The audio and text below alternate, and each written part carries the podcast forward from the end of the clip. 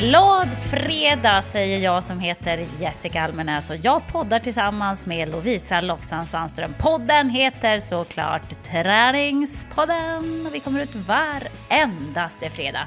Med mycket energi kliver vi in i den här veckans podd för det är ju sol! Du skrattar nu Lovisa och jag vet att du, du tänker att jag är ironisk. Men faktiskt inte för att du har ju precis legat och tagit en tupplur har du berättat för mig. Men du låter ganska vaken nu i alla fall. Ja men du, du ger mig sån energi. Jag trodde jag bara hur ska jag kunna komma igång? Men sen är det som att du vrider upp mig som en Duracell-kanin.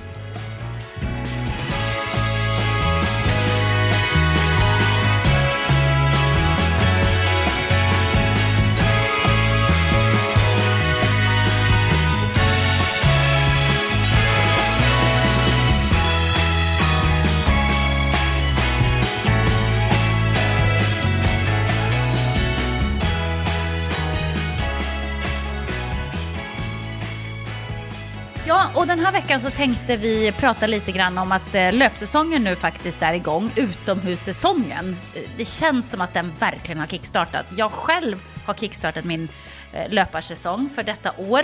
Eh, Och ehm, jag hade lust att snacka lite grann om eh, styrketräning för löpare och vad man ska fokusera på där. Så att man inte liksom börjar springa sin första runda och så kommer man hem och så har man liksom fått en muskelbristning i vaden och där var löparsäsongen slut igen på 30 minuter. Det är ju inte så kul. Ska jag berätta varför jag var tvungen att ta en powernap? Ja, berätta. Vänta, Var det du, du som lärde mig att det kallades för en gubb... Vad kallade du det för? En gubbvila? Va? Ja, det var någonting med att man låg och sov på kontoret med nycklarna i handen. Ja, kallar det för gubbvila? Nej, jag kommer inte ihåg vad du sa, men det var någonting med att gubbarna låg och sov på kontoret så hade de nycklarna i handen och när de tappade nycklarna i golvet då vaknade de och då Ja. har de sovit tillräckligt. Exakt. Det, det är ju verkligen eh, bästa sättet att sova på. För att hjärnan behöver bara somna. Och sen har du laddat upp det. Det är som en snabbladdning av hjärnan. Men du måste somna till. Och det märker du att du har gjort när du tappar nycklarna. För då liksom slutar handen fungera och så bunk trillar de i backen och så vaknar man. Men då så har man inte sovit så länge att man hinner bli trött igen. Misstaget som man ofta gör när man ska powernappa på dagen, att man sover för länge. Det var exakt en sån eh, powernap som jag tog nu. Så här. Jag har varit på träningsläger på Bosön. Eh, en av mina favoritplatser i hela världen. Och vi hade samling fredag morgon. Idag är det måndag eftermiddag. Det var alltså 50 kids i åldern 10 till 17 år. Vi tränade, nu ska vi se, det var två eller tre pass på fredagen, fyra pass på lördagen, två pass på söndagen och däremellan så var det kortspel, äta mat, eh, hänga runt, kolla att alla har det bra, hålla koll på att alla du vet, så här, byter om i omklädningsrummet, att ingen glömmer vattenflaskan. Jaha, du ska gå på toaletten. Jaha, nej men du längtar hem. Alltså, jag är helt slut. Men, och sen så i morse så var jag på jobbet halv sju. Eh, jobbar med PT-kunder fram till klockan ett. Kommer hem, tar min gubbvila eller vad det kallades för. Och sen in i träningspodden med starka krafter. Jag har dock sprungit två pass i helgen Jessica, så att jag, jag har, är lite inne på samma ämne som du vill prata om då.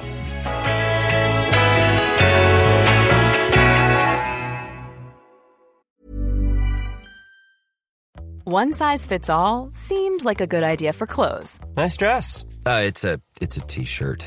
until you tried it on. Same goes for your healthcare.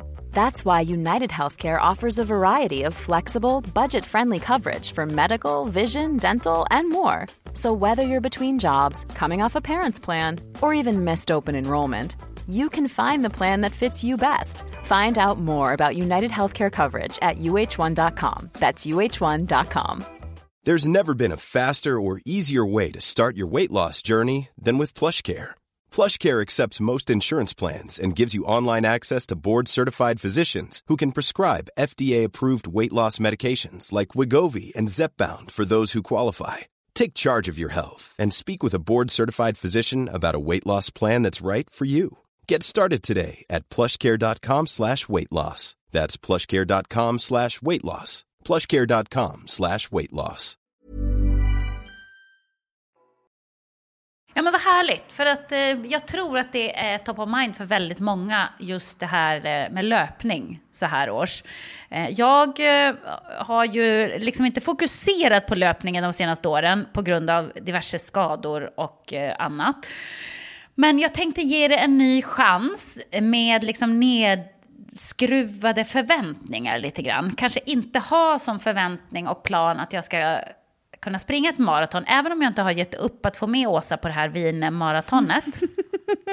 det går sådär med Åsas träning, kan jag säga. Det går sådär. Eh, så att det är lite kämpigt, det är lite uppförsbacke. Plus att jag kanske är borta på produktion när det går i höst. Men då tänker jag att vi får hitta något annat vinlopp i så fall. Eh, jag har inte gett upp det. Men jag tänker att jag ska ta det i väldigt små steg och springa kortare pass. Eh, både för att kroppen ska hålla och tycka att det är kul. Men också eh, för att eh, ja, men ha rimliga förväntningar på vad löpningen ska, ska leda till och ge mig. Inte tänka att det här är början på en maratonträning, utan tänka mer så här, okej, okay, vad kan jag göra just nu? Jag kan springa så här långt. Eh, och då får det vara så. Då får det vara mitt max ett tag. Och det är bra. Och anledningen till att jag faktiskt kom mig ut eh, var ju att du och jag har testat nya löpardojor. Mm. så, så, jag kände så här, men nu vill jag verkligen ut och springa i de här så att jag kan ge en bra eh, och vettig recension av skorna. Eh, och så tyckte jag att det var så kul och de var också ganska lätta att springa i. Man fick ju ganska bra hjälp. Liksom. Man fick bra tryck i steget. Ja, man fick bra spruttfjong med de där skorna. Eh, så att, eh, då blev jag så sugen så jag var så här, men jag får testa lite olika underlag. Så jag har sprungit både på asfalt, eh, jag har sprungit på löparbana och jag har sprungit i skogen. Och inga långa grejer alls, utan ganska kortare grejer. Men det är klart att det ändå känns på kroppen att löpning är inget som jag har fokuserat på speciellt mycket på väldigt länge. Alltså man känner ju i kroppen när man har sprungit. Men du har väl hållit igång med din löpning hela tiden så att du kanske inte, du kanske inte känner av det här på korta sträckor? Jag skulle nog säga att den här vintern eh, är den första vintern på jättemånga år som jag har haft den här täta kontinuiteten i löpning. Men jag har ju sprungit väldigt mycket på löpband. Och det har ju varit för att jag vill ha lägsta möjliga tröskel eh, och för att jag har åkt mycket längdskidor så då har jag ändå fått de här utomhusminutrarna som jag vet att jag mår bra av. Men i helgen, då sprang, i fredags, då sprang vi på en jättefin det är typ som en eh, ganska bred stig som är på Bosön.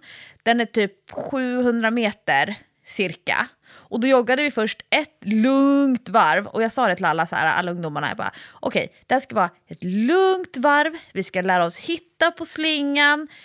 Ta det lugnt. Alla bara brum, du vet så här, rusar iväg och sen efter första backen då kommer jag så här lunkandes uppför och då går typ hälften. Jag bara exakt, det var ju det jag sa, vi ska ta det lugnt.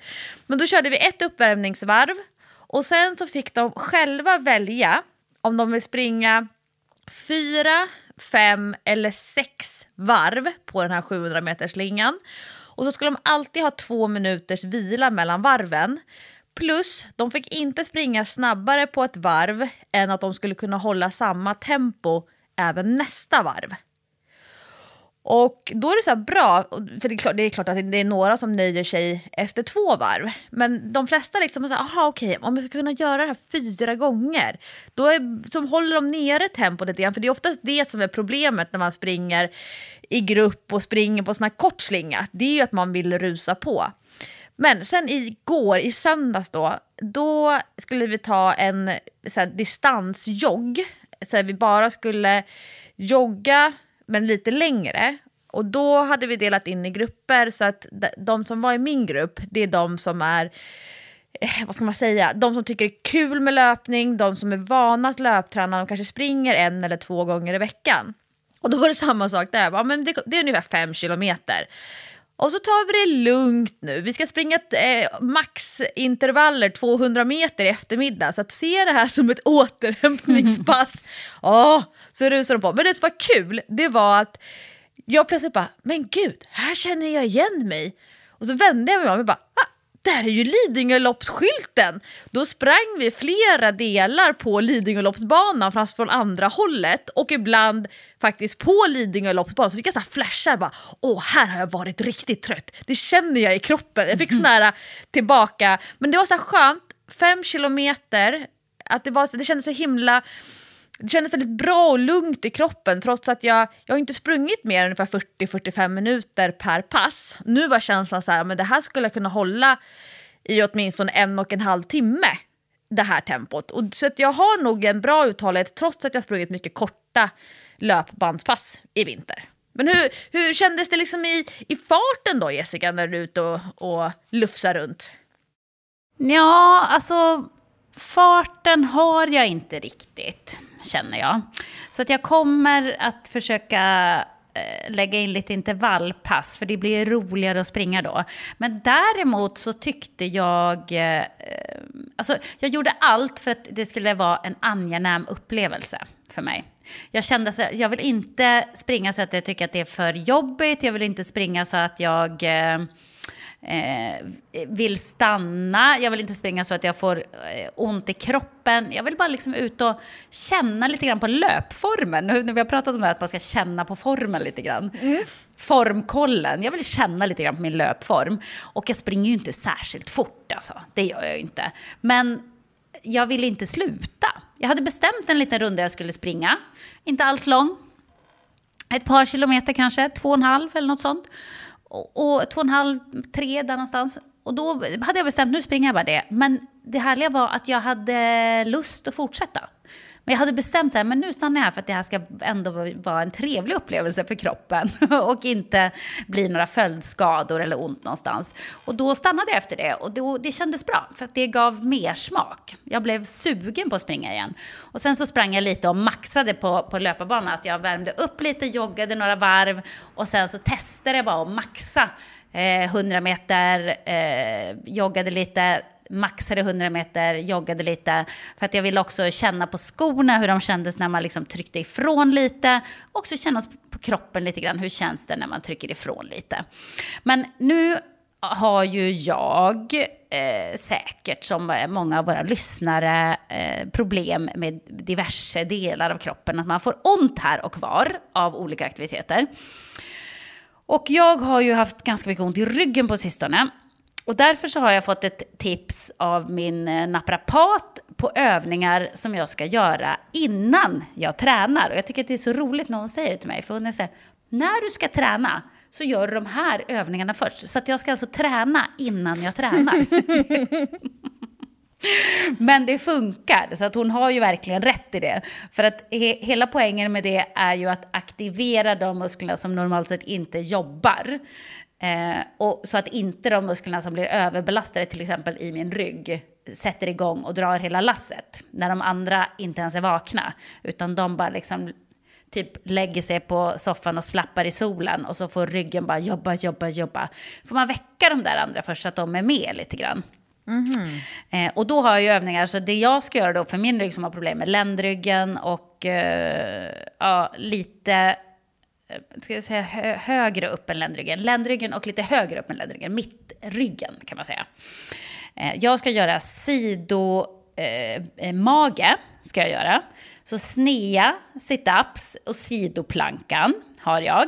Också till exempel sån här, du vet, när man har en boll eller en lättvikt i handen och så ligger man i situpställning och liksom vrider sig åt olika sidor. Så spänner magen. Mm, jättebra. De kör jag. Jag kör också sidorumpa, för den muskeln är svag hos mig.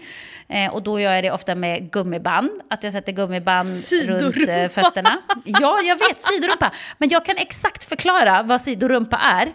Ni vet, när man eh, står bara helt vanligt rak, och så om man då får liksom ett nästan hål in på sidan, förstår du att rumpan inte är bullig ut hela vägen, utan ah. att det ah. går nästan lite inåt på sidan. Där är sidorumpan. Den muskeln har inte jag. Det är därför jag får liksom att det blir liksom lite hål in där i rumpan, om man säger. Du har muskeln men den är inte så fyllig? Jag har muskler men den, eh, den bryr sig inte om att arbeta. Den, tycker, den är helt ointresserad av att arbeta. Den tänker det finns så många andra muskler som kan jobba. Exakt, pallar inte vara med. Då måste man väcka den. Så gummiband och liksom sparka åt sidan, eller lyfta benet liksom åt sidan bakåt, eh, snett åt sidan bakåt.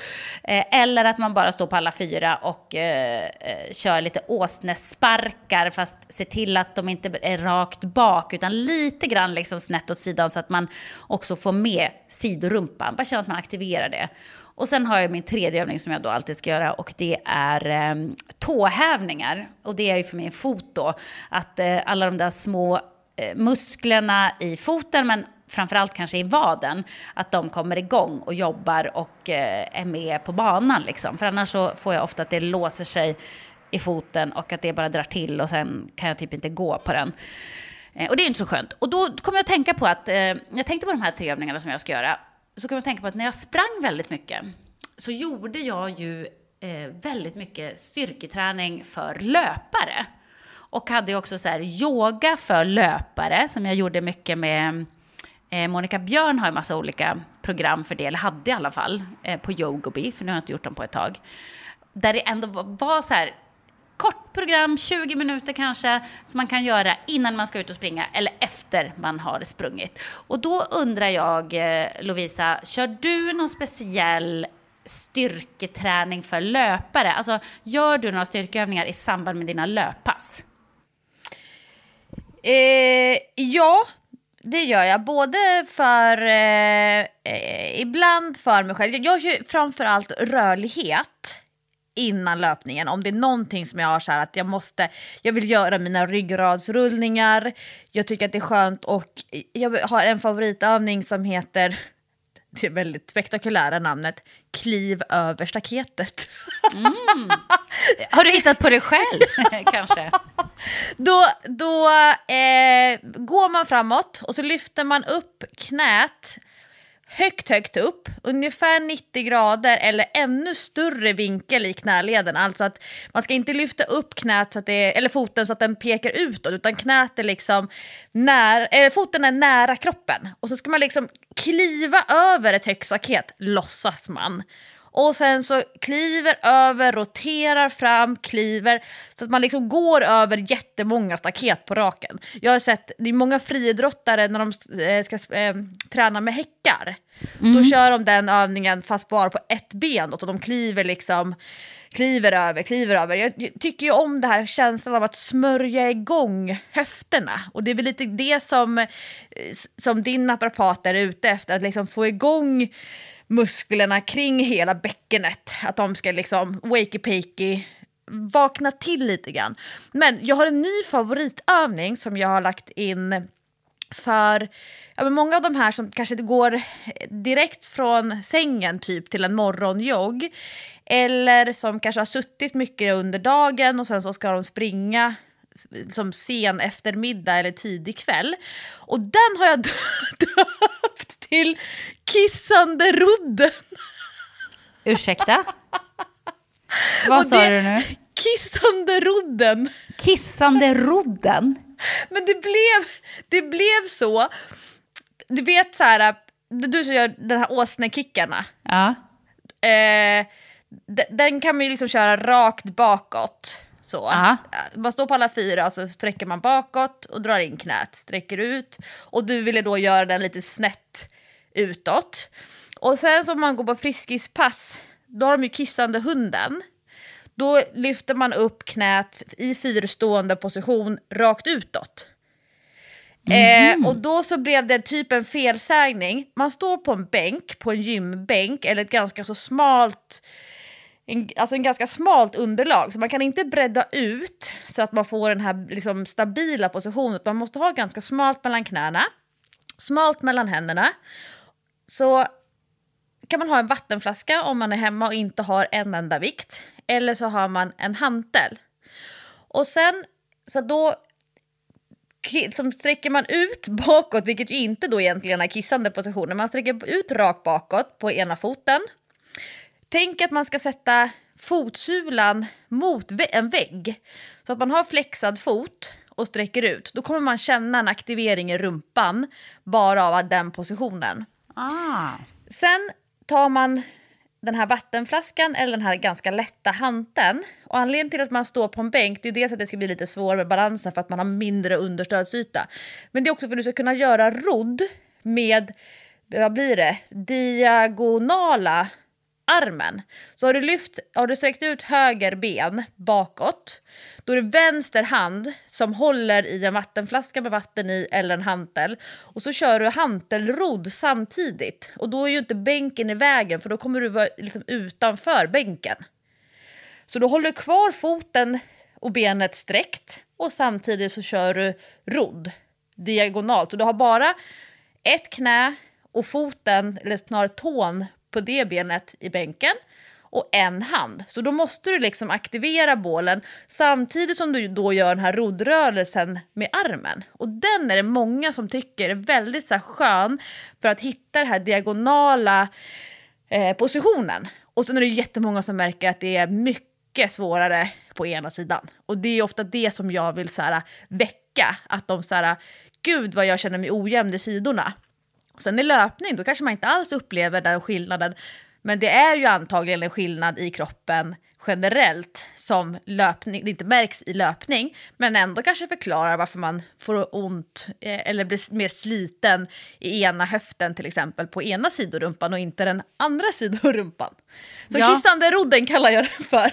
Kissande rodd, det kommer jag aldrig att glömma, det kan jag säga. Den är fast, den är fast för alltid. Men vet du vad jag hittade faktiskt eh, i mina gömmor? Det känns nästan lite retro nu, men jag hittade i vår gamla löparbok. Oh, den rosa karamellen. Ja, jag älskar den fortfarande. Jag tycker den är så fin. Att- På riktigt, jag tycker den är också så fin med bilderbok. Det är jättefina bilder i den här boken. Eh, Men jag bläddrade lite grann i den och, och såg då liksom att min naprapat, det hon har skickat med mig att jag ska göra då eh, som små övningar, det kan man i princip överföra till eh, styrketräning för löpning. Och då pratar vi ju inte om att man ska behöva gå på gymmet och köra Eh, massa styrketräning för att kunna komma ut och springa. Det blir en, jättestor tröskel om man säger till alla så här, du måste gå på gymmet och styrketräna om du ska kunna springa. Hela poängen med att springa är ju att man tar med sig sina löpardojor var man än är och man kan bara sticka ut och springa. Och då ska ju de här övningarna som man ska göra då, eh, för att eh, kroppen ska tycka att det är kul, för att man ska få ut mesta möjliga av löpning, ska ju också vara enkla att tillgå. Du ska inte behöva ha ett gym liksom. Och då ser jag att hon är inne på helt rätt spår. För att här har vi då nämligen spaltat upp tre fokusområden att styrketräna som löpare. Och det är ju då bålen, det är lår och rumpa och det är fötter och vader. Så ser du? Jag är, jag är liksom rätt på det. Eh, och då finns det ju några övningar eh, man kan göra som passar bra, som man kan göra med sin egen kroppsvikt eller med något som finns att tillgå eh, i naturen eller hemma eller vad det nu kan vara. Och bålen då, här har vi tagit upp några övningar. Om du kommer på någon fler bra övning så kan du eh, hojta till. Rygglyft har vi då. Och rygglyft är ju bra, för att då väcker man ju också lite grann ryggen. Om vi pratar om att man ska väcka igång eh, kroppsdelar. Det är ju bara när man ligger på mage, eh, armarna framför bröstkorgen rakt framåt och så pressar man upp Jag måste, kroppen. jag måste bläddra med. Det här blev, blir som en sån här... äh, När man var liten och så... Eh, Disney bland annat gjorde så sagoböcker med en, en eh, ett kassettband till. Så man Ja, kunde läsa precis. boken och sen plingade det till. Nu är det dags att vända blad. Så nu bläddrar jag fram här till rätt uppslag i våran rosa löparbok. Ja, men, men rygglyften då. Eh, och sen har ju vi en övning i boken här som heter push-ups med rotation. Att man gör armhävningar Alltså som jag förstår det här Lovisa, jag kommer inte riktigt ihåg hur vi menar det här, men att man gör en armhävning först och sen ska man rotera upp kroppen och öppna upp bröstkorgen och liksom sträcka ena armen upp i himlen. Och sen ska man göra en armhävning till och sträcka upp andra armen i himlen igen. Jag hör ju direkt att det här låter alldeles för tungt för mig. Man kan göra på knä. Man kan göra på knä, men man kan också göra som att man gör det som en plankövning.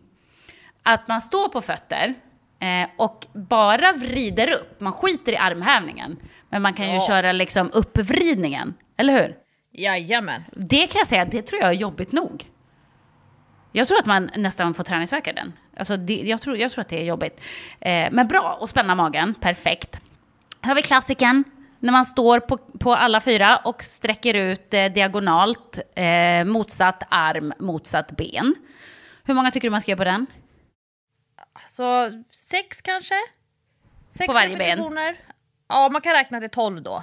Ja, precis. Och sen har vi hängande rodd. Alltså den här övningen är så bra, för man kan ju göra den eh, var som helst. Jag tycker att den är så grym. Man behöver liksom inte ha ett gym för att göra den. Man kan göra den på ett utegym, då har man ofta en stång där någonstans. Men man kan också bara, precis som du har gjort på den här bilden då, om ni har löparboken och, och ser detta, så hänger du bara i typ ett staket. Alltså Ja. som du har hittat någonstans. Fötterna i marken. Alltså det här är ju alla människor som kämpar med så pull-ups med gummiband och ska liksom, det blir lite sån här äh, studsbollskänsla, att man sätter fötterna i ett gummiband som man har hängt över räcket och så gör man pull-ups den vägen. Jag kan ju tycka att det är mycket schysstare mot lederna och man får mer bra på bålen om man har fötterna i marken, böjda knän och så gör man helt enkelt rodd eller pull-ups mot räcket. Men att du hela tiden känner att du har stöd för fötterna. Det är ju många som tycker det är jätteobehagligt att hänga med hela kroppsvikten. Ja, ja en klassisk lekplatsövning. Ja, och en klassisk övning när du säger det, som jag brukar göra, när, nu är ju Sam, vi går inte skitofta till lekplats längre, men ibland vill han ju verkligen vara i en lekplats och bara hänga och leka liksom. Men det är jättebra, det finns alltid någon stång man bara kan hänga i och dra sig upp då, eh, pull-ups, men med fötterna i marken då givetvis. Så det blir som eh, att man har TRX-band i princip kan man säga, fast du har istället en stång. Jättebra övning. Sen så har vi då eh, något som du kallar för utgående planka. Det är väldigt kul när du skriver så här, smyg fram som en katt. Mm. när, jag, när jag gör den här övningen då brukar jag kalla den för döende larven. Och det är inte något kattlikt med det kan jag säga. Det är för att jag tänker att man ska liksom hålla kvar bålen ganska så stilla och att man liksom smyger ut med armarna. Det handlar mycket om bålkontroll.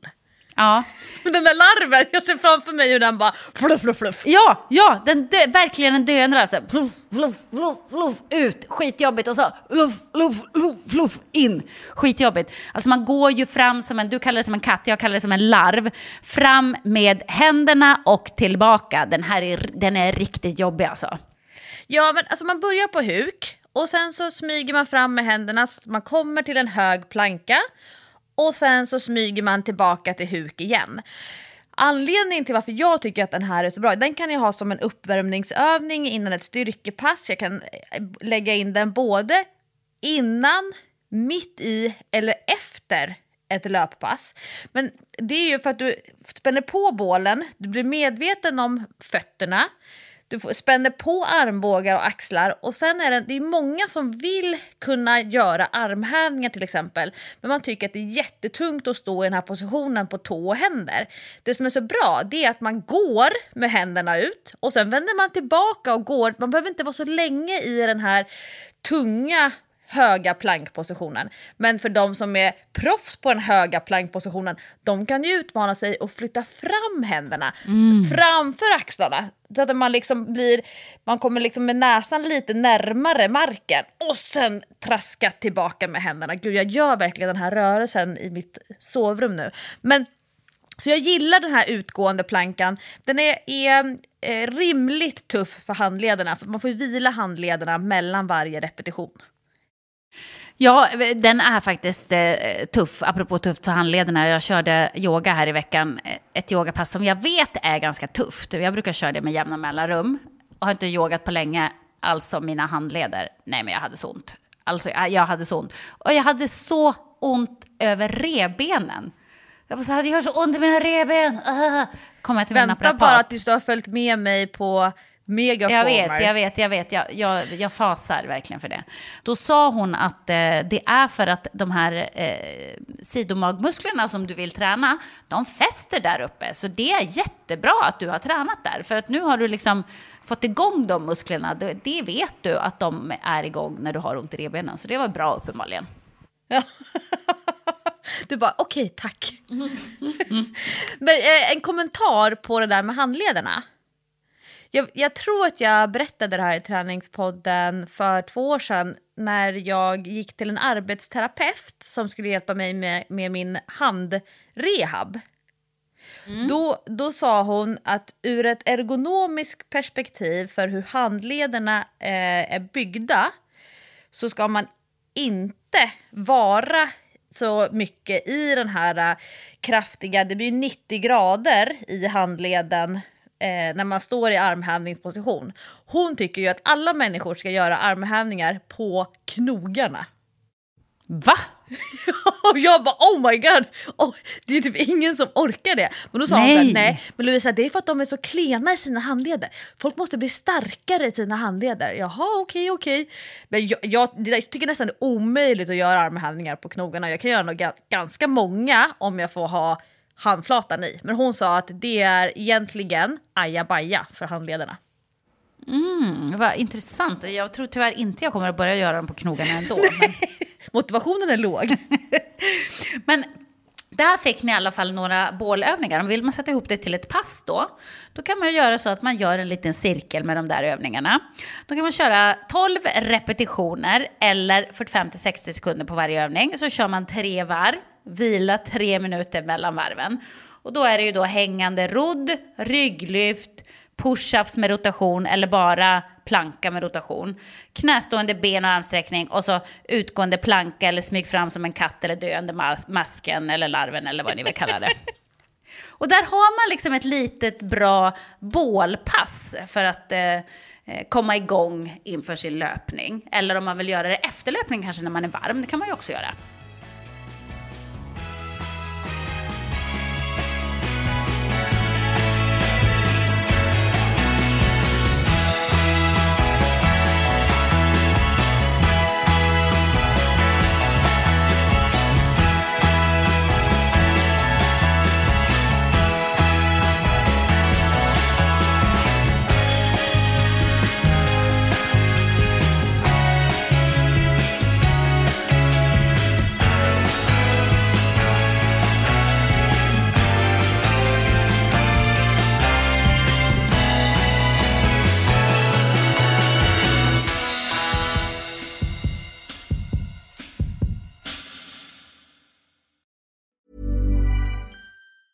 Everyone knows therapy is great for solving problems, but getting therapy has its own problems too, like finding the right therapist, fitting into their schedule, and of course, the cost.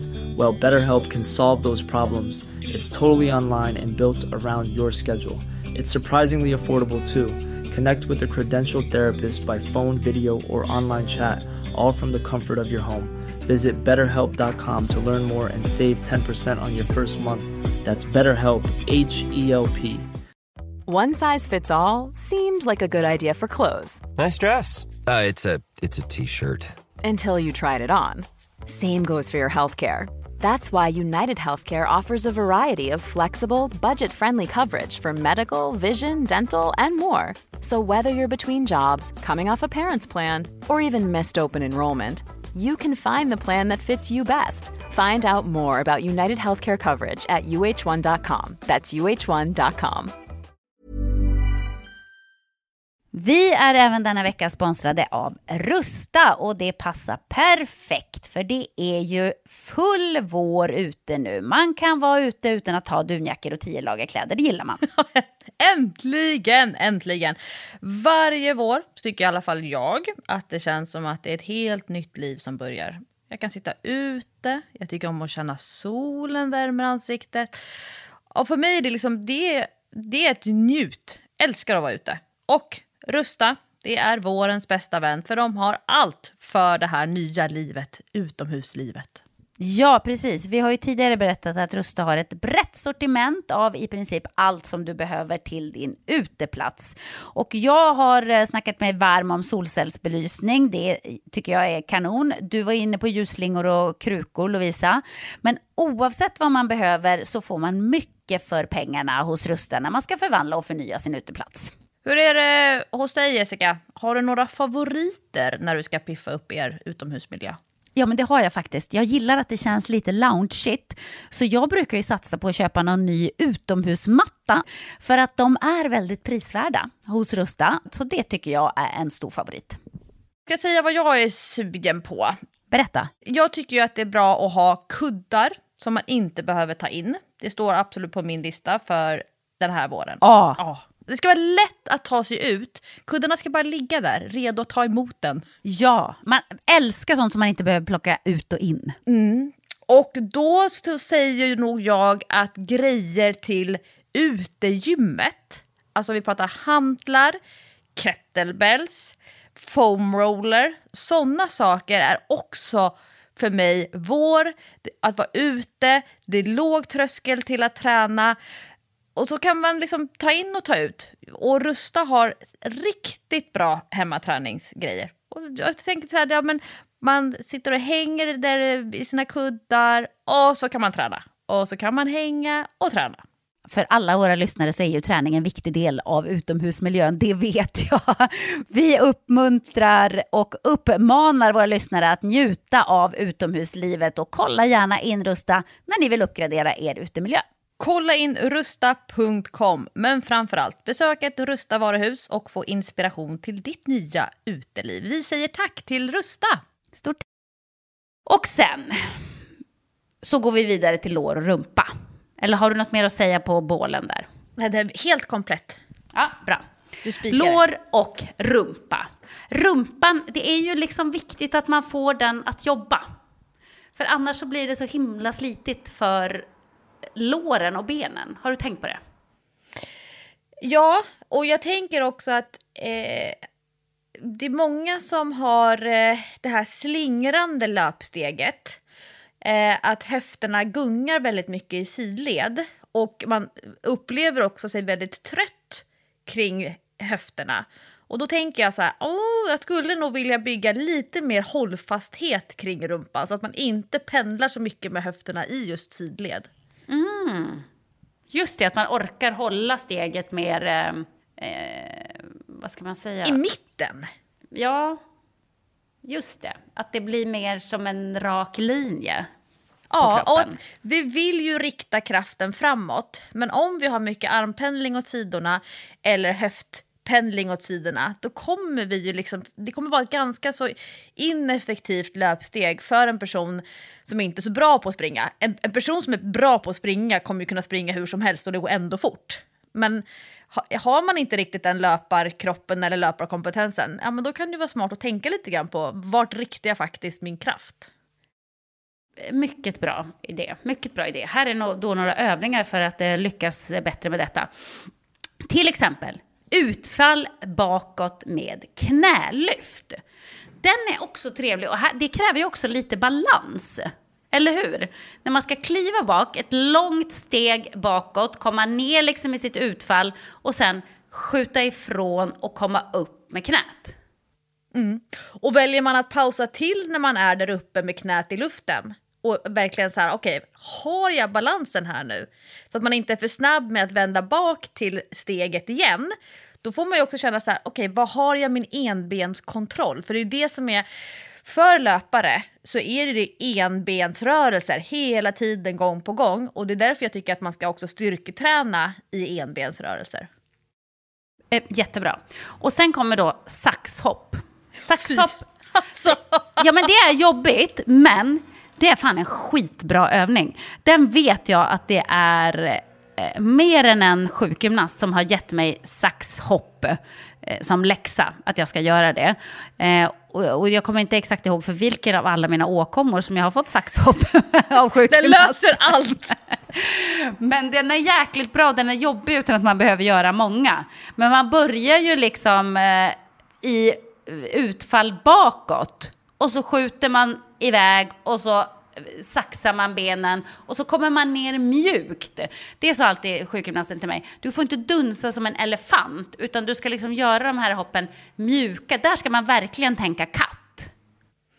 Ja, och, och det, det är just den där excentriska styrkan som behövs när du landar. Att landa mjukt, det betyder att du behöver bromsa rörelsen. Och den får man ju inte i knäböj till exempel om du bara um, kör knäböj upp och ner på stället, då är det ju inte så jobbigt på vägen ner. Men om du gör ett saxhopp eller ett, ett utfallshopp på stället där du inte switchar benen, men du hoppar ändå rakt upp från utfallet och sen landar, då måste du ta emot med musklerna. Det är därför de här hoppövningarna är så nyttiga, för att vi får det här excentriska momentet och vi vet att excentrisk träning bygger väldigt bra styrka. Det bromsande, det dämpande, i princip försöka landa ljudlöst. Precis. Ja, alltså jag gillar verkligen de här övningarna i vår bok för att de är eh, lite komplexa. Alltså det är också lite balans och det tycker man ju om. För det kan vara ganska tråkigt att bara ställa sig bara, men nu gör jag tio utfall, bara dunk, dunk, dunk, dunk ner. Utan att det finns liksom en liten, liten twist i övningen. Precis som med knäböj med sträckning. Att man då börjar på tå, sen ska man komma ner i knäböj, armarna framför kroppen, 90 grader i höften komma upp igen och upp på tå igen. Och det mm. där tåmomentet, det är fan inte så enkelt som det låter ändå. Och sträcka upp armarna mot himlen. Plötsligt blir tyngdpunkten jättehög. Mm. Den, är, den är skitbra. Så har vi klassiken draken. Draken, det säger alltid min sambo till mig, det är den bästa övningen du kan göra. Den är liksom bra för allting. Det är balans och det är styrka och eh, den är toppen på alla sätt. Och då är det ju också, eh, återigen, så måste man liksom koncentrera sig när man gör den övningen. För annars kommer man att ramla. Man ska ju stå på ett ben, andra benet ska vara uppe på 90 grader, armarna upp mot himlen och så rak rygg, sträcka ut benet bakåt samtidigt som man ska fram med överkroppen. Så att man får liksom en rak linje från häl till huvud, kan man säga. Och armarna neråt. Och så tillbaka. Och hur brukar du göra? Brukar du... Jag brukar inte byta mellan varje ben, utan jag brukar liksom köra eh, x antal på samma ben innan jag byter för att eh, verkligen utmana balansen. Ja, alltså fyra, fem eller sex repetitioner innan man sätter ner foten i marken. Det, alltså det bränner så mycket under foten, kring fotleden, upp kring underbenet, baksida lår, upp i rumpan. Och får man till den här bålaktiveringen, då kommer du även träna liksom, korsetten kring bålen. Så eh, prova liksom att stanna kvar på samma ben flera repetitioner. Det är, jag tror att det är, många skulle behöva träna på de här övningarna där du inte kan zooma ut. Alltså att, att vara tvungen att zooma in i kroppen. Det är, många väljer ju styrkeövningar där de kan zooma ut och tänka på annat och liksom de bara står och hattar upp och ner och fram och bak. Men okej, okay, vara tvungen att säga, vänta nu, var är min kropp? Var är jag? Var har jag min balans? Och orka stanna i kroppen. Det är svårare än vad man faktiskt kan tro. Mm. Precis, eh, och det är därför de här övningarna är bra, som har liksom en extra liten grej som gör att man faktiskt måste tänka. Sen har vi step up på avsats. Och avsats det kan ju vara vad som helst. Det kan ju vara en bänk, det kan vara en... Eh, vad kan det mer vara? En sten kan det vara. Alltså det kan ju vara i princip vad som helst. Trappa. En, ja, en trappa. Om man två eller tre trappsteg. Ja, exakt. Och då kliver man helt enkelt upp och pressar sig upp och kliver ner. Och vill man liksom spicea till det kan man gå upp på tå, men det låter väldigt svårt tycker jag. det ska alltid finnas en extra nivå. Folk får aldrig känna att de är helt nöjda. Det ska alltid kunna bli lite svårare. Ja, men precis. Och sen har vi den här eh, övningen som jag tycker är skitbra. Den här får man också alltid av naprapater och sjukgymnaster. Det kan jag säga, för jag har ju besökt många som ni vet. Och det är ju då explosiva enbenshöftlyft. Och enbenshöftlyft det kräver också lite rörlighet har jag märkt. För där hittar jag lite grann problem när jag ska göra höftlyft på ett ben. Jag, jag håller på med enbens höftlyft i eh, flera klienters träningsprogram nu. Och jag har märkt så att eh, ju fler gånger jag instruerar en övning och ju fler personer som jag ser utföra en övning, desto bättre blir jag på att coacha den. Och vi håller då på just nu med en variant av enbenshöftlyft där du har ryggen mot en bänk. En gymbänk eller mot soffan hemma. Och mm. då har jag nu hittat en instruktion. Om det, nu är det alltså inte det explosiva. Men vad då ryggen mot en bänk? Jag fattar inte riktigt hur... Ja, men om man tänker sig att gymbänken är precis nedanför skulderbladskanten, fötterna i golvet. Så att Ja. man... Eh, ehm, så att då blir ju knäna och axlarna på samma höjd när man är i sträckt läge. Om man ligger på golvet, då kommer ju axlarna vara nere i golvet och knäna ovanför i, om man tänker sig eh, eh, höjdnivå. Det kommer bli längre rörelse om man kör mot en bänk eller mot soffan mot om man är på golvet eller marken. Ja, ja, ja, ja, jag fattar. Mm. Och då har jag sett att det finns många olika sätt för folk att hitta den lättaste vinkeln. alltså, folk är så här försöker, jag gör en jättebra övning och bara nu ska vi träna den här övningen i tre veckor. Du kommer bli så bra på den. Och så ser jag så här, det första de gör, då hittar den lättaste positionen där det inte alls är jobbigt. Jag bara nej, nej, nej, nej, nej. Nu backar vi, nu styr vi upp regler här. Du vet, jag kommer med mina regler. Och då är en regel som jag jobbar med nu, det är att man börjar i position som att man ska ha båda benen och göra ett vanligt höftlyft. Sätter man ihop fötterna och sätter ihop knäna. Sen, då är ju, liksom, då är ju låren parallella. Låren sitter ju ihop. Och så lyfter man bara ena foten och sträcker ut ena knät. Då är fortfarande knäna ihop och låren ihop. Och sen får inte låren släppa varandra eller knäna släppa varandra. Så när du gör enbens höftlyft så är låren ändå hela tiden parallella med varandra. Och då kan jag säga sex repetitioner utan någon som helst extra vikt. Du har två sekunders paus där uppe och två sekunders paus där nere fast inte då hela vägen ner om du gör på golvet. Det är så jobbigt. Jämfört med om du låter det här luftbenet i enbenshöftlyft bara pendla upp och ner och upp och ner. Den har liksom sitt eget liv. Men tajta till knäna ihop med låren, då kan jag säga den tar så mycket på rumpan.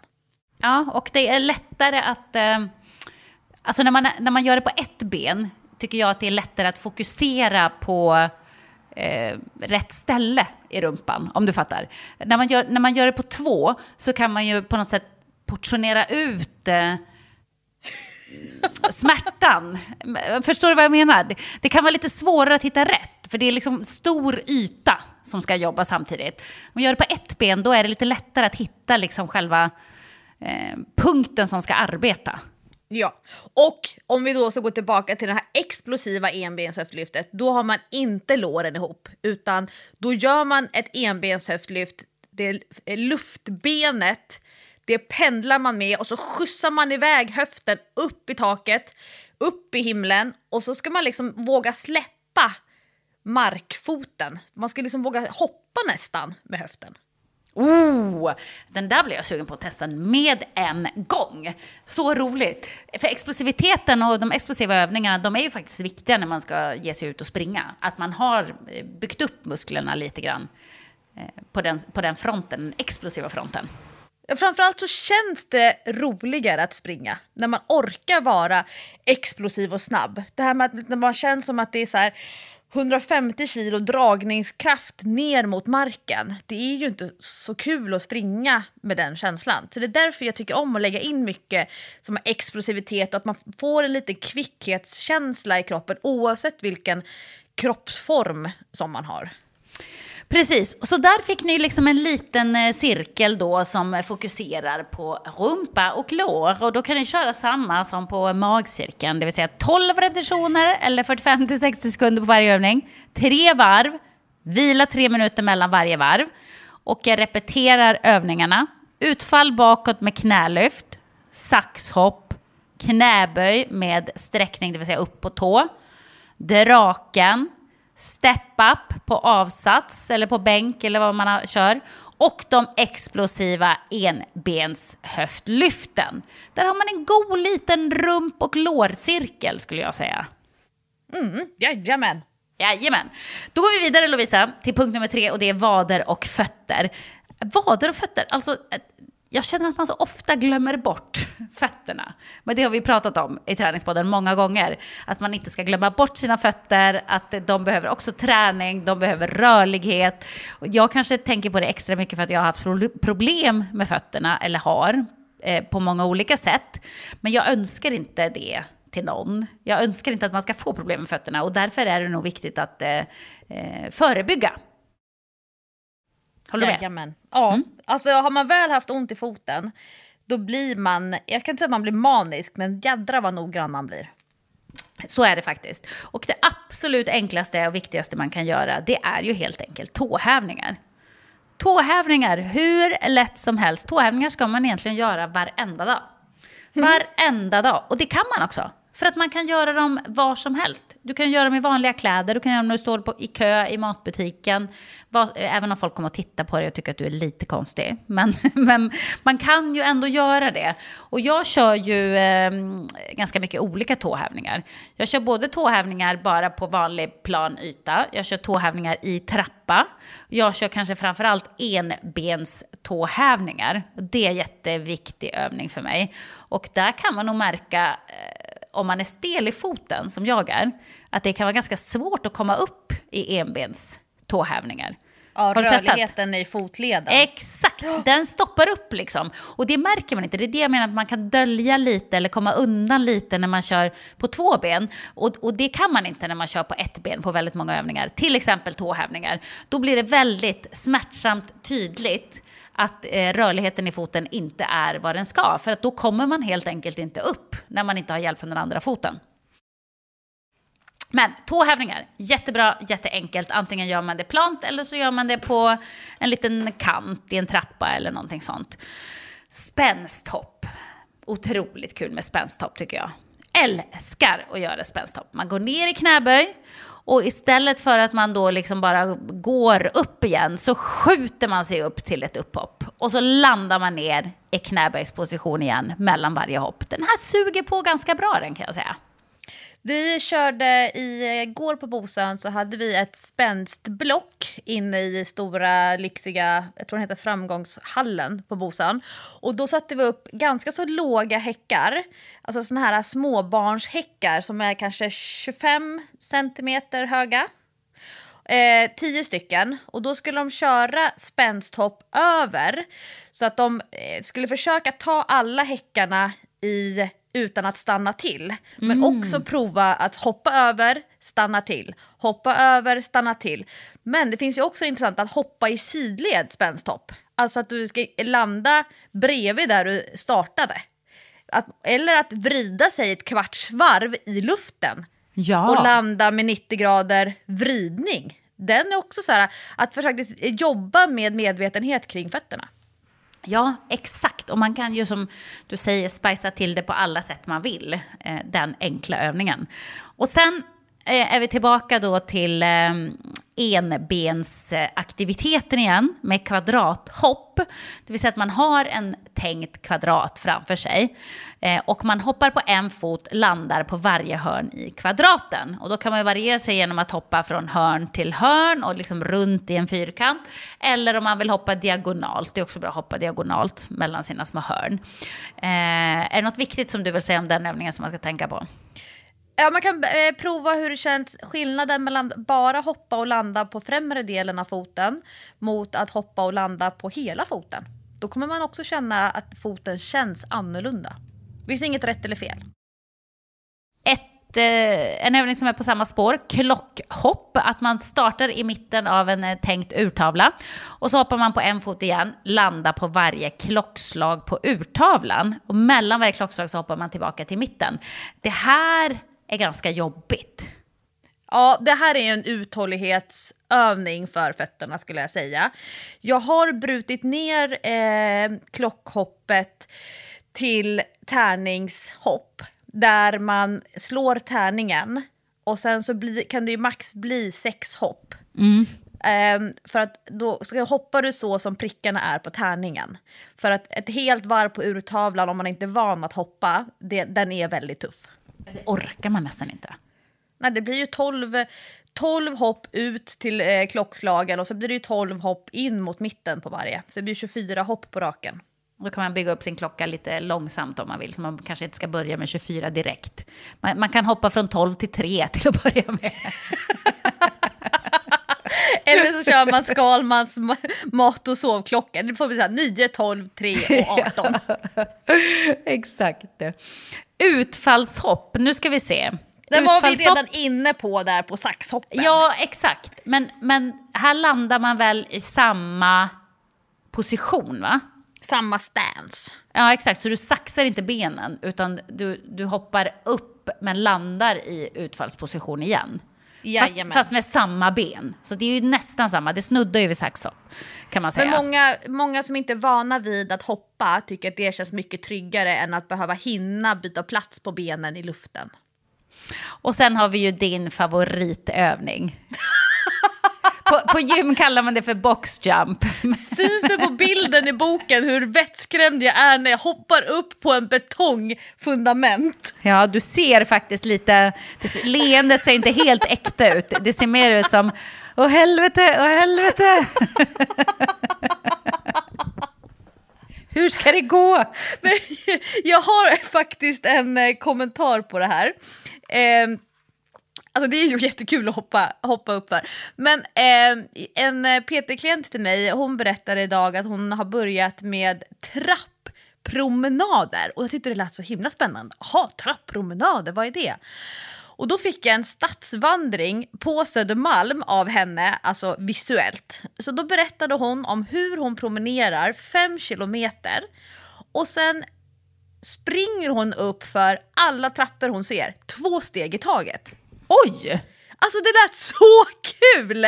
Då tänkte jag, men gud det här måste jag ju börja med. Jag är inte så himla förtjust i att planlöst vara ute och gå. Det är ju inte riktigt min grej. Då, då springer jag ju hellre. Men det här tänkte jag så här, mm, en trapppromenad fem kilometer, det, det känns ändå så här rimligt för min väldigt eh, intensiva hjärna. Och då sa jag till henne, det låter ju jättebra. Och så gav jag också som tips, dock på Södermalm är det mycket trätrappor, så där kanske man vill snarare vill springa upp för än hoppa upp för. Men har man så här betongtrappor, då kan man ju köra eh, upphopp, alltså hopp upp på varje trappsteg, på varje trappa man ser. Och sen går man vidare liksom. Det Jag är ju det var faktiskt... kul. Ja, men kul idé. Kul idé. Och jag tänker direkt på, jag ska ju snart åka till Göteborg. Trappornas spela, stad. ja, precis. Jag ska spela basketfestivalen där. Och jag har ju hittat några jäkligt jobbiga trappor ska jag säga. Alltså som är långa, långa, långa i Göteborg. Så där kan det nog vara ganska kul att göra just den här eh, utmaningen faktiskt. Där finns det mycket trappor att kasta sig över. Ja. Så det, var, det fick jag tips av min klient. Det var liksom omvänt. Tipsar jag alla, alla kan ju göra det såklart, men ni som bor i Göteborg kanske just lite extra. Stick ut och hitta de där monstertrapporna. Alltså, förra året, jag körde intervaller i någon av de trapporna. Det var sjukt jobbigt. Jag vet inte vad den heter eller exakt var den ligger, men den, den var lång. Jag kom på, du kan ju inte göra det innan du ska spela matcherna. Nej! Nej, är du galen? Då orkar jag inte hoppa på matchen. Snälla, det finns ett begränsat antal hopp i min kropp, det kan jag säga. Och, så, så hoppträning, det är ju ingenting man ska göra innan man ska göra ett tufft eh, annat pass. Ska du springa intervaller, då gör, kör du ju inte hopppasset innan det. Det känns ju som en jättedum idé. Hoppas är ju ganska påfrestande, men det är jätteviktigt för alla att hoppa. Alltså, till exempel, jag brukar säga att jag får ont i ryggen av att hoppa. Ja, men det, just därför är det ännu viktigare för min kropp att faktiskt hoppa. Kroppen ska tåla att man hoppar. Och det är ju så man, man bygger upp en tålighet i kroppen, det är så man behåller en tålighet i, i, i kroppen. I ben, muskler, leder, senor, allting. Det är jätte, jätteviktigt att hoppa. Och vill man göra då det här lilla explosiva hopppasset så kör man alltså samma 12 repetitioner, 45-60 sekunder per övning, tre varv, tre minuters vila mellan varven. Och här kommer ni att bli andfådda, kan jag säga. Det kommer att svida och bränna rejält i, i vader och ben. Tåhävningar, spänsthopp, kvadrathopp, utfallshopp, klockhopp, hopp upp på avsats. Lovisas favorit, boxjump. Men eh, apropå det här med eh, hoppträning. Man har blivit inom vården mer noggrann att eh, rekommendera just den här skelettträningen för kvinnor. Om, om man ser att det här med benskörhet till exempel, alltså att det faktiskt går att förebygga benskörhet både med styrketräning, med löpträning och med hoppträning. Sen kan man ju också se det som kallas för stressfraktur. Alltså en fraktur som du kan få i, i en skelettdel. Eh, vissa säger ju också att det är som stressfrakturer i senor och i ledband och sådär. Men att det är ju inte en fraktur som kommer av att du blir tacklad eller att du trampar snett. Utan det är en fraktur som kommer av att man kanske då belastar lite för mycket under en för lång tid. Eller att man stegrar träningen för snabbt. För mycket träning på för kort tid. Um, och där kan, kanske man inte kan helt säga liksom att, eh, att jo, men att man, man borde liksom kunna träna upp det innan man börjar med den här monotona belastningsträningen, alltså till exempel löpning. Mm. Men sen så kan jag ibland bli lite frustrerad för att det här när vi säger så här, vi som jobbar med träning och vi som jobbar med träning för kvinnor och kvinnor då, så säger vi så här, men det är jätteviktigt att träna för att förebygga benskörhet. Och det här har vi pratat om i Träningspodden för länge sedan. Och så här, argumenten till varför folk ska träna. Att mm. motivationen till en sån grej, det ligger så himla långt fram i tiden. Ja, alltså benskörhet, då ser man ju framför sig en gammal tant som halkar och bryter armen vid återvinningscentralen. Alltså det, och, och det, man kan liksom inte riktigt tänka att det där är jag om Nej. 20 år, eller 30 år eller 40 år. Men jag har en eh, klient som har benskörhet som en en eh, följdsjukdom av en annan sjukdom. Det är ju ofta så att har man någon kronisk sjukdom så får man ju massa kassagrejer som händer. Och då pratar vi om en benskörhet som alltså innebär att man bryter ett reben om man nyser för kraftigt.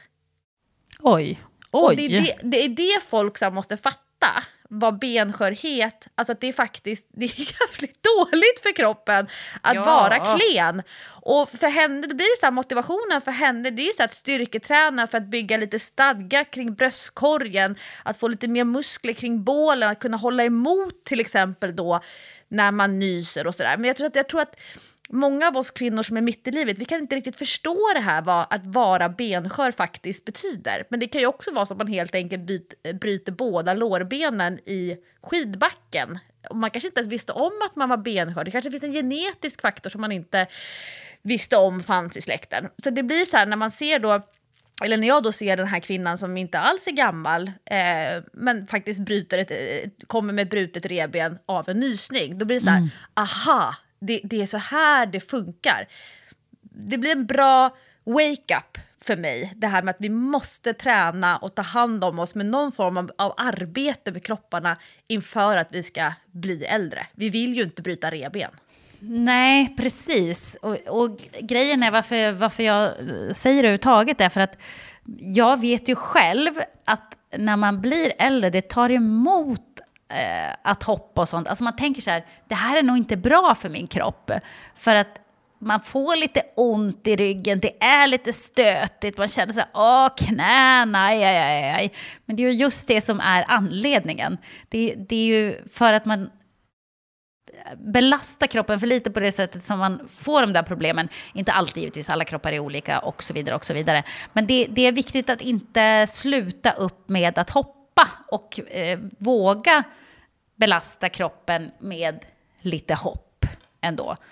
Eh, tror jag, när man kommer upp i, i, lite, i lite äldre ålder som jag då, helt enkelt. Får jag vända perspektivet 100% till ytterligheten fåfänga? Absolut. Jag har ett dokumentärtips. Ja, bra, kul. Jag har nämligen sett på SVT Play eh, under kategorin Edit, som jag inte riktigt förstått konceptet av Edit. Men det ligger högt och lågt och vitt och brett och smalt av olika dokumentärer med eh, mer eller mindre intressanta ämnen. Och det här var ju då såklart ett av de mest intressanta ämnena, eh, nämligen svensken bakom Hollywoodkroppen. Magnus Lygdbäck. Det är ju jättespännande. Jag, jag har inte hört talas om honom, men förut var det väl en annan svensk bakom Hollywoodkroppen? Ja! hette, men Och jag pratade med en kändis om den här dokumentären och hon bara ja fast nu har det kommit en yngre som, de, som stjärnorna pratar om. Jag bara oj oj oj, jag har ju väldigt dålig koll på Hollywood märker. Ja, ja precis. Ja, det känns som att de byts ut med jämna mellanrum, de som eh, eh, anses vara de främsta eh, designerserna av Hollywoodkroppen. Ja, men så. eh, Magnus säger i den här dokumentären att han är den bästa eh, PTn från Sverige som jobbar i Hollywood, typ. Så han, Oh, oh, han hamrar in det budskapet. Ja, men det, det är ju bra. Det, det förstår jag, det måste man göra i den där konkurrensen som säkert är stenhård. Men, men vad är hans eh, grej då? Alltså vad är hans recept för att få Hollywoodkroppen? Ja, men jag kan läsa vad som står i själva beskrivningen. Eh, då står det så här. På den vita duken blir filmkropparna allt mer extrema och idag ingår kroppsbygge i många skådespelares arbetsbeskrivning. Edit följer en av Hollywoods mest anlitade personliga tränare, Magnus Lygbeck, som tränat alla de stora världsstjärnorna. Hör Alexander Skarsgård, James McAvoy och Kyle MacLachlan i exklusiva intervjuer prata om den extrema träningen och kosthållningen som krävs för att få kroppen som Hollywood-skådis. Och jag tyckte att det här var eh, en intressant dokumentär. Eh, dels för han pratar om så här, bland annat periodiserad träning och kost i olika cykler för att pricka då den här perfekta kroppen som är så hårt granskad av kamerorna pratar om olika cykler, det tyckte jag var intressant. Eh, han han eh, gör också, det är ganska mycket så här klipp från inspelningsplatser och då gör ju de det som... Jessica, idag, vänta, idag är det fredag när det här avsnittet släpps. Ja, Idag är det Ellegalan, ja det är det. för dig. Idag är det Ellegalan. Ja, Jajamän. och då vet ju du att innan man kliver ut på den röda mattan, innan man poserar framför kamerorna, blixtarna bara psh, psh, psh, psh, då ska man ju stå och pumpa med gummibandet. Och det gör de här Hollywoodstjärnorna ute på inspelningsplatsen. Kamerorna är riggade, det står sminköser som står och sminkar och så står de där och kör så här jättetunga bicepscurl med en stång som de har konkat ut i djungeln. Va? Ja! Vilken Och- grej. Jätteintressant. Um, sen är det, var det så roligt, för då berättar han Magnus om typ en vanlig dag. Alltså jag tror att han gick upp klockan fyra på morgonen. Klockan fem, då hade han tränat Jude Law en timme. Och sen timmen efter hade han tränat Jude Laws son. Och sen tror jag att han helt enkelt åker runt till inspelningsplatser, till sina kändiskunder i deras antagligen sjukt lyxiga hemmagym där allting finns. Det är inte som en PT som kommer med väskan och liksom konkar ut alla sina grejer. Jag tror att det finns en kravprofil. För att jag ska träna dig, då behöver vi ha liksom de Ja. här grejerna. Det är Ja. crème de la crème-grejer. Ehm, och att, jag tror att han jobbar superhårt. Jag tror att han alltid, för varje projekt, är jättenervös över att han inte ska lyckas. Jag tror att som Hollywoodskådis, vilken, alltså tänk att få av produktionen en betald PT som bara punktbevakar dig med din mat, med din träning och att du sköter dig och håller dig på banan. Vilken, vilken grej alltså! Den som går runt där hemma och bara knack, knack, knack på axeln. Uh, ursäkta? Ska du verkligen äta? Nej, nej, det ska jag inte. Men om betalningen är typ 50 miljoner dollar, det är väl klart som tusan att du avstår från den där chokladbiten, eller? Ja, men alltså det där är ju en dröm. Det där, det, min dröm, som jag verkligen skulle vilja ha, det är att ha en privat kock och en privat PT. Alltså som bara, bara sköter allt det där åt en. Man behöver inte tänka och, kring det överhuvudtaget. Och allting bara liksom flyter på. Det hade varit, en, alltså det hade varit magiskt. PTn bara kom och knacka på varje morgon så här, nu kör vi. Då kan man ju inte bara säga så här, nej men jag orkar inte idag, eller det går inte, eller jag hinner inte, eller... Då är det bara så här, men nu kör vi, nu har jag bokat dig här varje dag den här veckan, klockan sex på morgonen. Så nu har vi våra träningspass här. Ja. Det hade väl varit Det skit, kanske är skitcoolt? Lätt, lätt att få den där kroppen om man är sådär superrik. Ja, alltså jag vet, det är klart att de kanske inte är lyckligare än gemene man, men de har ju i alla fall ett enormt stödteam runt omkring sig. Eh, en annan grej som jag tyckte var jätteintressant med eh, den här dokumentären, det är en, ehm, ett projekt som han jobbade med, då, Magnus. Och jag har helt missat det här projektet. Jag direkt har nu letat upp. Den serien heter I know this much is true och är tydligen en... den är baserad på en roman från 1998. Eh, det är HBO, tror jag. Den har- ett par år på nacken. Men då är det en eh, skådespelare som alla känner igen, som heter Mark Ruffalo. Om ni ser en bild och googlar Mark Ruffalo så kommer ni bara, aha, han. Han spelar då två tvilling bröder. Och det är typ 18 kilos skillnad i vikt mellan tvillingbröderna.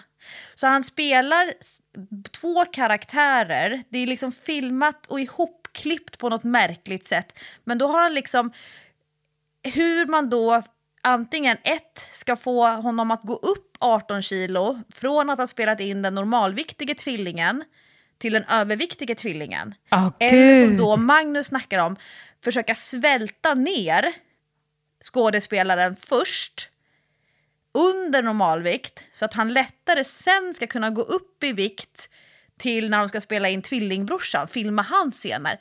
Det, alltså jag blev så fascinerad över det här och när man fick se klipp från den här serien så tänkte jag så här, herregud, är det här samma kropp? Är det, eller är det samma person? Ja, det är ju samma kropp, att den ser helt annorlunda ut. Så den eh, serien ska jag kolla på just för att förstå att det här är alltså samma skådespelare som har förändrat sin kropp så här mycket mellan. Sen fattar jag att det kommer med hang-ups och jag förstår att håller man på och mixtrar sådär mycket med kroppen och ser vad man kan faktiskt utföra så tror jag att man kanske blir lite knäpp i huvudet. Men jag tycker att det är Ja. fascinerande. Ja, alltså jag tycker att det låter svårt. Och eh, jag vet inte, hur mycket gillar kroppen det där? Att gå upp, gå ner, hålla på. Det, Jag det tror att det är lättare superbra. för männen än för kvinnorna. Ja, det är det nog.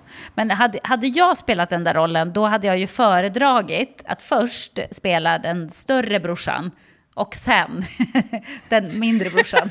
Så hade man liksom gått ur projektet med ändå en bra känsla någonstans.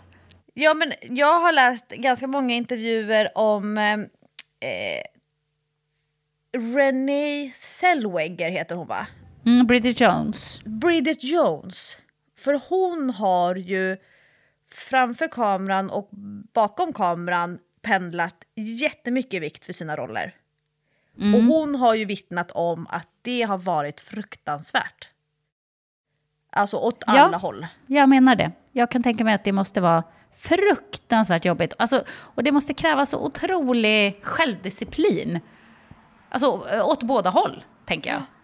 För, Ja, och, f- Ja. och forskning som visar att har du en gång varit överviktig så kommer kroppen vara mycket mer benägen att vilja gå tillbaka till övervikt. Och, så att har du varit övervikt, om du har gått upp i vikt för en filmroll och sen så ska du typ banta ner dig till din normala vikt, då är det inte alls säkert att kroppen vill vara i din gamla normala vikt, utan att den kommer vilja vara sugen på att gå uppåt. Och samtidigt, om du ska gå ner i vikt och, och bli underviktig inför en roll, eh, och sen så gå tillbaka till normalvikt och sen leva med den här tanken om att man egentligen vill vara så smal jämt som man var när man skulle vara den här smalaste karaktären. Ah, jag tycker att det känns lite obehagligt. Men eh, måste också lägga in som en liten passus med Bridget Jones. Att det, eh, den filmen har ju några år på nacken, den är ganska gammal. Eh, om man tittar på den nu så är det ju ett skämt att hon ska för, föreställa överviktig i den filmen. För att hon är inte speciellt tjock. Hon är inte speciellt tjock. Alltså hon är, hon är, hon är helt normalviktig bara. Snarare är det så att när hon är i sin i sitt vanliga skådisläge så är hon ju liksom size zero, det vill säga typ storlek 32. Så att det, när man tittar på det nu och tänker så här, oj oj oj, där skulle hon föreställa som att hon var så plufsig och, och överviktig, så, så blir det liksom lite, Mm. Mycket det där med att hon skulle sitta och tröstäta glass hemma i sin sorg. Ja, men man får lite så dålig smak i munnen för att eh, hon är som sagt eh, i högsta grad normalviktig när hon ska föreställa som att oj vad hon har tröstätit sig till att bli Ah, stor. Liksom. lite. Ja, eller det var väl kanske en tidsandan, men det, det får ju en att tänka lite hur det var förr jämfört med idag. Att, eh, även fast vi säkert har en, en lång väg kvar att vandra när det gäller olika kroppsformer eh, och att eh, det ska vara accepterat och, och se ut på olika sätt och sådär, så var det mycket värre förr om man går tillbaka och tittar. Ja men det har jag tänkt på både med originalet, alltså de första säsongerna av Sex and the City. Där de, flera av skådespelarna var så enormt smala och de som man själv tyckte var så här normal skulle gänget vara den stora personen. Och både i Beverly Hills och i Melrose Place så var det också så här att den personen som skulle anses vara den kurviga stora. Mm. Jag bara, men alltså det är typ en vanlig person. Ja, där, exakt. Man blev lite knasig på den tiden av att titta på alla det där. Ja, men det var ju inte konstigt att man eh, trodde hela tiden när man växte upp att man var tvungen att banta för att eh, idealet var ju sinnessjukt. Och, eh, och speciellt det som ansågs vara utanför normen. Det var ju så otroligt mycket snävare vad som var normen bara för, säg 20 år sedan. Ja vad intressant, det här blev, det blev en liten spaning här då. Men, men eh, det var bara ett dokumentärtips om man tycker att sånt här är intressant. Eh, Magnus Lygbeck gör själv en stor disclaimer kring att det här inte på något sätt är ett sätt att leva hälsosamt när han gör de där stora projekten. Däremot har han någonting som kallas för 1720 och det betyder att har man ett kostschema med 20 måltider för en vecka då då, eh, får man, då ska 17 av måltiderna på kostschemat vara rätt. Och så har man utrymme för tre måltider som inte behöver vara på kostschemat. Mm -hmm. 1720. Okej, okay. ja, det var ja. väl ändå ett tips. Kul, det ska jag titta på. Nu ska jag däremot eh, hämta på förskolan. Och jag ska paddla kanot. Mm, du ser, alla har vi något trevligt att göra. Men tack för att ni lyssnar på Träningspodden. Hoppas att ni ger er ut nu i eh, löparspåret. För just nu så är det väldigt, väldigt härligt att vara ute. Så ut och spring med er bara! Ut och kut! Ut och kut! Hej då! Hej då!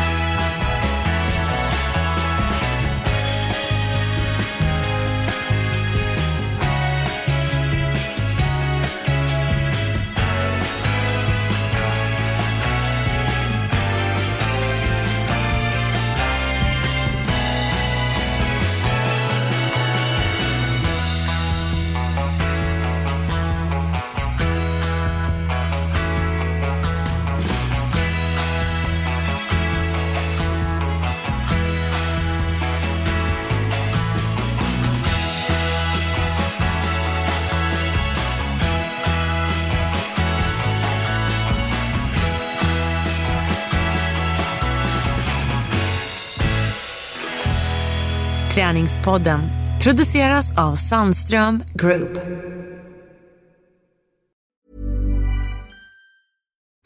Deserves the best and there's no better place to shop for Mother's Day than Whole Foods Market. They're your destination for unbeatable savings, from premium gifts to show-stopping flowers and irresistible desserts. Start by saving 33% with Prime on all body care and candles. Then get a 15-stem bunch of tulips for just $9.99 each with Prime. Round out Mom's menu with festive rosé, irresistible berry chantilly cake, and more special treats. Come celebrate Mother's Day at Whole Foods Market.